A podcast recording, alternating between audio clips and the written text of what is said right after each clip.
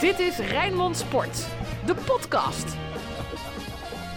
Ja, een hele goede avond vanuit de Rotterdamse Kuip, waar we deze nieuwe podcast Feyenoord opnemen. Een heroïsche avond had Feyenoord nodig en dat was het ook thuis tegen Lazio. Door een doelpunt van Santiago Jiménez wonnen de Rotterdammers met 1-0 en werden ze prompt ook nog eens groepswinnaar in de Europa League. Dennis van Eersel, wie had dat een week geleden kunnen denken? niet veel mensen, zeker niet nadat Feyenoord in blessuretijd in Oostenrijk uh, onderuit ging. Al was het ook toen, wisten we cijfermatig nog nodig. Maar dan moest eerst Lazio verslagen worden. In Denemarken zou er alles mee moeten zitten. Maar het is wel, het is wel gebeurd. Dus uh, ja, dit is uh, daardoor voor Feyenoord echt een, een topavond in, in alle opzichten. Filip, het was jouw Europese debuut ja. bij een wedstrijd van Feyenoord op Radio Rijnmond. Ik denk niet dat je je een beter debuut had kunnen wensen. Nou, als het over mijn eigen kwaliteit gaat, dan weet ik het niet. Dan moet ik nog even terugluisteren. Maar de wedstrijd was top. Het was geweldig. De sfeer was, nou, vanaf minuut 1 was hij er. Ondanks dat mijn trommelvliezen eraf liggen. Maar verder, verder, nee, ja. Verder. Is dit kritiek naar DJ Panic? Uh, dit is uh, zeker geen kritiek naar DJ Panic. Uh, blijkbaar helpt het met de uitslag. En dat is, dat is grandioos. Ja. Als we daar heel eerlijk over Het was het, het, het, scenario van Marseille thuis. Hè. Het hele draaiboek is, is gekopieerd. Dus DJ Panic die, die zorgt voor, uh, voor panic. Rood, wit, bloed, zweet. Geen woorden maar daden. Alles over Feyenoord. Ja, maar deze avond uh, had alle ingrediënten voor een, uh, voor een heroïsch avondje. Aftrap werd wat een uh, paar, minuten, paar minuten uitgesteld. Er komt weer een, komt weer een fikse boete vanuit het Zwitserse ja. hoofdkantoor van ja. de UEFA richting, richting Rotterdam. Maar het was wel wat fijn dat nodig had, toch? Vanuit de Kuip, die er zo op weer heroïsche manier weer achter de ploeg ging staan. Ja, hoewel um, um, het was geen wedstrijd waarbij Feyenoord meteen erop en erover klapt. En dat publiek dat er dan achter staat, dat was grote delen van deze wedstrijd. Dat Lazio met zijn ervaring, die wil zelf op balbezit speelde, gewoon heel sterk verdedigde. Eigenlijk Feyenoord en ook het publiek wat in slaap suste. En dan af en toe, zeker in de tweede helft, bij momenten, dan, dan leefde het op met uh, ja, één moment in, in al een extreem is uh, natuurlijk, Filip. Waaraan vond jij, Filip, dat het lag dat Feyenoord toch in die openingsfase, je, je verwacht de ploeg klapt erop, maar het kreeg geen vat op die Italianen? Nou, op het moment dat de bal rolde, had je dat gevoel al wel gelijk in de eerste minuut met die kans van Danilo. Denk ik, hé, hey, dit kan een hele leuke avond worden. Alleen, alleen daarna ja, merk je gewoon dat Lazio dat moment herkent. Ziet, hé, hey, wacht even. Nu komen we in de problemen. Nu zou het best wel eens kunnen dat zij volle bak doorklappen. Uh, en dan inderdaad, wat Dennis zegt, ze temporiseren. Uh, ze laten eigenlijk zien dat het een heel volwassen ploeg is. Maken eigenlijk die hele eerste helft een beetje dood. Vergeten te profiteren van uh, de fouten die Feyenoord maakt. Want dat waren er nogal wat in defensief opzicht. Daar moeten we ook gewoon heel eerlijk over zijn. Hansko heel vroeg al. Hansko gelijk de, de, fout in. En dan ja, moet je ook blij zijn dat Felipe Andersson geen Chiro Immobile is. En dat hij hem gewoon op de lat schiet in plaats van uh, achter Bijlo. Uh, nou ja, en dan, dan merk je ook gelijk met na die bal op de lat... dat even, even het, het, het uh, opgebouwde spanning en de opgebouwde energie beetje wegviel. En nou ja, dat merk je, dat slaat ook over op de ploeg. En dan van daaruit ja, uiteindelijk wel weer gewoon keurig netjes hersteld die, dat konijn uit die hoge hoed van, uh, van Arne Slot. Hij had het er op de persconferentie over. Er gaat iemand starten waarvan waarschijnlijk niet veel mensen het verwachten. Dat bleek Igor Pacquiao aan die linkerkant. Vormde een tandem met, uh, met uh, Marcos Lopez. Maar druk ik me geflatteerd uit als, ik, uit als ik zeg dat dat een tandem met ja, twee lekke banden was? ja, maar, ja, maar dat is dan ook weer niet gek, hè? Want die zijn natuurlijk totaal niet ingespeeld op, op, op elkaar, die twee. Dan vond ik Lopez inderdaad in aanvallende zin onzichtbaar. Maar als je dan ook defensief nog eens wat fouten maakt. Want, want Philip haalt net al terecht de grote fout van Hansko eruit. Maar dat gold bijna voor, voor elke verdediger. Ook Geertruida liet zich een keer de bal afpakken. Lopez zat een keer mis. Zelfs Trauner één keer met een soort gekke gekke acrobatenactie waarbij uh, die bal en, en, toen uiteindelijk kon Hansko ook niet, niet herstellen. Dus ja, dat was allemaal weinig stabiel. En, en ja, om je dan voorin te onderscheiden. Ik moet zeggen, Paisa heeft een paar keer in actie gehad. Eén keer dat hij naar binnen toe kwam, dat schot met die knappe renning van, van die keeper. Dat, dat, dat was mooi, maar... Ja, ook, ook dit was niet de buitenspeler met het grote rendement. Al moet je wel ook altijd kijken joh, tegen welke tegenstander speel je. En dit is, dit is Lazio. Grote kans dat uh, Pashao hem een keer laat starten in een van die komende drie wedstrijden in de Eredivisie. Wat ik dan wel fair zou vinden. Uh, uh, dat hij dan wel ook zijn moment gaat hebben. Je had het over die achterhoede. Er stond één man achter de achterhoede. Filip, ik denk dat uh, dat de man was waaraan Feyenoord toch wel grotendeels, zei het niet 100%, te danken had dat het 0-0 was bij rust. Nou, je, hij houdt je in leven. Zo simpel is het. Hij, en wat ik vandaag goed vond om te zien is... We hebben natuurlijk die vormdip van Bijlo gezien waarin die nou, toch wat wijfelend is. Vandaag eigenlijk helemaal niet wijfelend. Uh, heel kordaat, zelfs op een gegeven moment, uh, uh, het is gelukkig buitenspel van Felipe Andersson. Maar ook daar, dat was een kans waarvan ik eigenlijk ervan uitging, die gaat erin. Die heeft hij dan nog en in tweede instantie duikt hij toch nog zo ervoor, waardoor Andersson eigenlijk een hele kleine schothoek heeft. En niet heel veel anders kan dan hem in zijn net schieten. Daar gaat uiteindelijk die hele kans niet door omdat het buitenspel was. Maar dat zijn dan toch van die momenten dat je uh, aan Bijlo ziet, hij, hij zit lekker in zijn vel. Hij komt er beter in. Hij komt er echt beter in. En op het einde vond ik hem dan ook wel weer lekker brani hebben. Door iedere keer die bal op de vijf neer te leggen. Te doen alsof je kort ging opbouwen. En dan vervolgens, nee, nee, nee, te ingewikkeld. En dan iedereen naar voren sturen.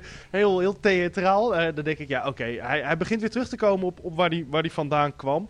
Nou, dit is, dit is, dit is toch gewoon. Maar wat hij vanavond laat zien. Je moet ook kijken op welk niveau is het en tegen welke tegenstander. Dit is toch gewoon WK-niveau.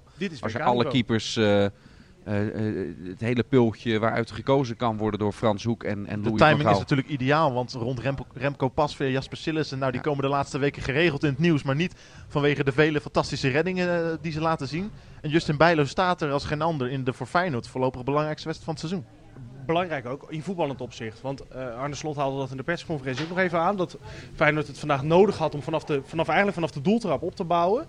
Uh, in plaats van dat later op het veld te gaan doen. En daarom is hij ook gewoon een belangrijke schakel. Door uh, een keeper die niet lekker in zijn vel zit, wil ook gewoon niet aangespeeld worden. Nou, zag je bij Bijlo vandaag dat dat eigenlijk helemaal geen probleem is. Stond paar keer te gebaren van ja, kom maar hierheen. Nou, Deel Roos nam dat denk ik te letterlijk en die, stak heel even de tegenstander weg. Nou, daar komt hij dan ook gelijk reddend op af. Dus daar houdt hij blijkbaar ook rekening mee dat hij dan, nou, dat dat een keer mis kan gaan. Uh, en dan kan hij dat herstellen. Dus als je het hele ritje opnoemt, dan, dan denk ik, joh, als je Bijlo niet opstelt, ja, met alle respect. Maar dan weet ik niet zo goed wat je als keeperstrainer aan het doen bent. We gaan naar het moment van de avond, mannen. Naar de, de 1-0. De enige goal van, uh, van Feyenoord Lazio van uh, Santiago Jiménez. Laten we eens luisteren hoe jullie lekker uit je dak gingen bij die goal. 0-0 dus hier. Nog steeds 1-0 in Denemarken. Nog steeds die tussenstanden. Waarmee Feyenoord dus vierde staat op dit moment in, uh, in de pool. Het kan allemaal nog goed komen als Feyenoord nu de bal afpakt en door mag van die scheidsrechter. En Hartman, de eerste bal dan Jiménez. Die neemt hem aan. Jiménez! Nee! Oh. Ja, hij, hij, hij, laat hem los. Ja! En dan scoort hij! Ja! Hij mag door! Hij mag door! De Italianen halen verhaal bij de scheids. Maar die wijst, hij mag door! 1-0 Jiménez! Vraag niet hoe! Vraag niet hoe! Maar deze telde ook! Ja, ja, ja! Dit doet mij denken, Dennis. Je staat hier, staat hier breed te lachen. Dit doet mij denken aan dat, aan dat doellijnen-technologie doelpunt. Dat uh, onze ex-collega inmiddels ja. Sinclair Bisschop roept. Hij is niet over de lijn geweest. Hij is niet over de lijn geweest. Hij is wel over de lijn. Een beetje jij die zegt. Oh, hij staat op de keeper en opeens zit hij erin. het is ja, maar zo ging het wel. Ja, zo ging het wel. Het was ook een heel gek moment. Ja, want hij, uh, hij, wordt gehinderd door een van zijn eigen uh, spelers. Hè. Dus, ik bedoel, Jiménez raakt die keeper niet eens aan. Het is ook terecht dat de VAR er vervolgens vanaf blijft. Was ook geen buitenspel uh, daarvoor en ook geen overtreding daarvoor bij een van die andere verdedigers. Dus terecht dat die goal blijft staan. Ehm, Sarri vond het tot twee keer toe zelfs een overtreding. maar die had op de persk ook al zijn bril zo, zo laag. Dus dat zou bij het terugzien van, van die beelden zo, zo, zijn, zo zijn geweest. De trainer van, van Lazio. Dus dat was een beetje huilie-huilie. Maar ja, volkomen terecht dit. Wat doet Jiménez daar uh, allemaal goed in die situatie, Filip? Nou, eigenlijk wat niet. Uh, uh, ik heb wel het gevoel dat hij hem korter bij zich wilde aannemen op de borst. Maar hij laat het nu een soort 50-50 bal worden, waardoor zo'n keeper ook moet gokken. Nou ja, nou kennen we Jiménez ondertussen een beetje. Die loopt er gewoon dwars doorheen. in dit geval, ja, doet hij dat eigenlijk ook. Waardoor het valt allemaal net perfect. En dan is ah. hij de enige die snel, snel genoeg is. Even heel eerlijk, hij zegt wat doet, wat doet hij niet fout. Maar hij moet hem eigenlijk dan al in eerste instantie maken. Want normaal gesproken had, had die keeper hem natuurlijk. Alleen wordt, wordt een van zijn eigen spelers nog, nog gehinderd. Normaal was het dan geen goal geweest. Nee, daarom. Dus da daarom ook die, ja. die, die, die uh, ja, wat is het? hesitatie van in, het, in het commentaar. Van, wij dachten allebei, ja, de keeper heeft hem. Ja, de keeper had hem dus blijkbaar ook. Maar zijn eigen verdediger dacht, ja, laat maar. En dan is het van Jiménez wel goed dat hij daar blijft, blijft lopen. Ik moest wel een heel klein beetje lachen om, om Jiménez in de uh, persconferentie. Toen hij zei, God heeft die bal daar neergelegd. Nou wil ik Hartman heel veel complimenten geven vandaag, maar God gaat mij heel ver. Hoe viel die, hoe viel die in, Kilinci Hartman? Kwam in, kwam in de rust voor Lopez natuurlijk. Goed. Ja, het in, had niet uh, slechter gekund dan Lopez. Nee, dat klopt. Dat was wel echt, de, de, was ook wel een dissonant in... Uh, in de ploeg waarbij, uh, wat ik zeg, hè, want zeker van Lopez, een van zijn kwaliteiten is dat hij aanvallend ook veel laat zien. Nou, dat nul, nul keer. En uh, verdedigend ook een paar zwakke momenten. Nou, met Hartman had je in ieder geval verdedigend dat dat, dat, dat stabieler was. Maar ja, die liet natuurlijk ook uh, met deze paas, maar ook bij andere momenten wel die, de drang naar voren zat er wat meer in. Al vind ik Hartman nog steeds niet echt de back die Um, um, die de op en de over gaat achterlijn halen, voorzet geven. Dat gebeurt bij hem ook niet zo, niet, niet zo vaak nog. Maar dat, maar dat hoeft niet altijd. Dat, dat, blijkt bij, dat blijkt bij deze, bij dat, deze bal. Zou je met een, met een aanvaller als Speciaal wel weer verwachten. Dat is een jongen die naar binnen trekt. Eigenlijk uh, zit je wel weer te hopen op een soort Malasia Sinistera tandempje. Waarin ik Speciaal, ik zal hem niet gelijk Sinistera noemen, maar het, het, het vertoont trekken. er is trouwens door uh, op het Twitter-account van Feyenoord wel echt een geweldige foto van van Hartman ook, uh, ook gedeeld. Ik denk dat dat na het doelpunt is, is geweest. Nee, gaat, gaat die even zien als je nog niet hebt, gezien. Echt, wat een passie spat daarvan af bij die foto. Echt mooi. En als ik het daar toch over heb, die foto van Arne Slot. Die daar staat te genieten en te stralen. Ja, maar dat, ja, dat zijn echt mooie. Ja. Dat is ook een, ook een vak hoor. Om ja, uh, op het juiste moment af te. Ja, ja, zeker. Dus, maar dat zijn echt oh, hele mooie foto's. Over Hartman wil ik dan ook nog één compliment maken. Want uh, uh, op een gegeven moment was er één hele grote kans van Lazio die geen kans werd. Mede door Hartman en Kuksu. Hartman die is die tackle erin gooit. De kanselier nog van die bal afloopt. Uh, en dan blijft die bal een beetje hangen. En uiteindelijk lost Kuksu dan helemaal definitief op. Maar dat was echt het moment dat ik dacht, ai, daar gaat die 1-1 komen. En die twee zorgen er dan wel weer voor. Waar Kuksu vorige week door de mand vond vallen qua, qua inzet. Deze week echt een dikke plus. En, en Hartman nou ja, heeft, denk ik, een paar streepjes verdiend bij Arne Slot met, met, dit, met deze 45 minuten. Kuksu leek een beetje de aanjager van het strijdende Feyenoord hè, vanavond. Hij was ook een van de weinigen die, ehm, als hij dan onder druk stond... en op een gegeven moment stopten ze daar al bijna bij hem mee... dat hij dan met een heel simpel bewegingje zich dan toch onder zo'n druk uh, uitspeelt... En, en de bal nog bij een medespeler kreeg. En dat, uh, ja, Kuksu is gewoon echt aan een heel erg sterk... Uh, sterk seizoen bezig. Haalt ook een niveau. En nu ook in deze, in deze Europese wedstrijd waarbij ik denk van ja, dit gaat zijn laatste seizoen bij Feyenoord zijn. Want dit, dit gaat opgepikt en opgemerkt worden. Dat, dat, ja, daar ben ik vrij van overtuigd eigenlijk. We gaan naar het uh, Man of the Match uh, jingletje. De Feyenoorder van de week. Mag jij beginnen, Filip? Jouw Man of the Match. Feyenoord Lazio Roma. Voor de draad ermee. Ja, het kunnen er maar twee zijn. Maar uh, dan kies ik toch voor, uh, voor de doelman Justin Bijlo. Zorg ervoor dat je in die eerste helft gewoon in leven blijft. En dat de avond zich zo kan ontvouwen zoals hij zich ont ontvouwen heeft. Namelijk een 1-0 zege en groepswinnaar. Uh, Eens hoor, wie, wie, is de tweede optie die je hebt? Want je zegt, kunnen er maar twee zijn? Kunnen er maar twee zijn, ja, dat, dat is, dat is toch... de, de, man van de goal. Hoor. Ja, oké, ja, ja, ja. ja, een makkelijk scoren. Ja, dat, is makkelijk. Dat is heel makkelijk. Het is zijn eerste, is een, het is zijn eerste podcast Feyenoord, eh, Dennis. Die jongen moet even... Het is, een, het is zijn eerste podcast Feyenoord. Die jongen moet even, even makkelijk scoren. Oké, dat is goed. Maar jij wilde niet voor Jiménez gaan dan? Maak ik er op? Nee, Bijlo met die sleutelredding is, uh, is Oh, we gaan, gewoon de, de we, we gaan gewoon twee keer voor dezelfde. Ja, nee, maar als het... Als Bij hoge uitzondering... Nou, ik, en, en de complimenten voor Kuxu, die had ik in het blokje anders ook willen. Want die vond ik ook echt wel weer een hele goede wedstrijd uh, spelen. Nee, maar Bijlo zonder die sleutelreddingen van hem was het hele verhaal, was de hele teneur, de hele toon van deze podcast natuurlijk heel anders geweest. Laten we daar de ogen niet voor, uh, voor sluiten. Ja, iedere willekeurige andere keeper had je met deze stelt gewoon achtergestaan. Punt. Zo simpel is het. Maar ik wilde er nog ook een, een, complimentje maken aan uh, Quinten Timber. Want Milinkovic Savic is een vrij brede, hele grote gozer. En ik heb nog nooit een veel kleinere speler zo makkelijk, zo brede grote gast van de bal af zien zitten als Quinten Timber. Het gebeurt echt een keer of vier, vijf. En dat, het is een verdedigende actie en daarna levert hij hem gewoon in met de goede kleur. Het valt dan niet zo op als je het één keertje ziet. En als je je, je hoofd er niet naar hebt en het niet onthoudt, dan valt het helemaal niet op. Maar ik zag het nu een paar keer gebeuren en toen dacht ik, ja, dit vind ik wel vet. Gewoon veel kleiner, fysiek zou je zeggen veel minder en het dan toch doen. Dus dat, dat complimentje wil ik dan nog even geven. Hoe groot is nou het verschil als je eh, zo'n wedstrijd wint, je kroont tot groepswinnaar in de Europa League, verzekerd bent van de knockout En dan naar de dijk in Volendam?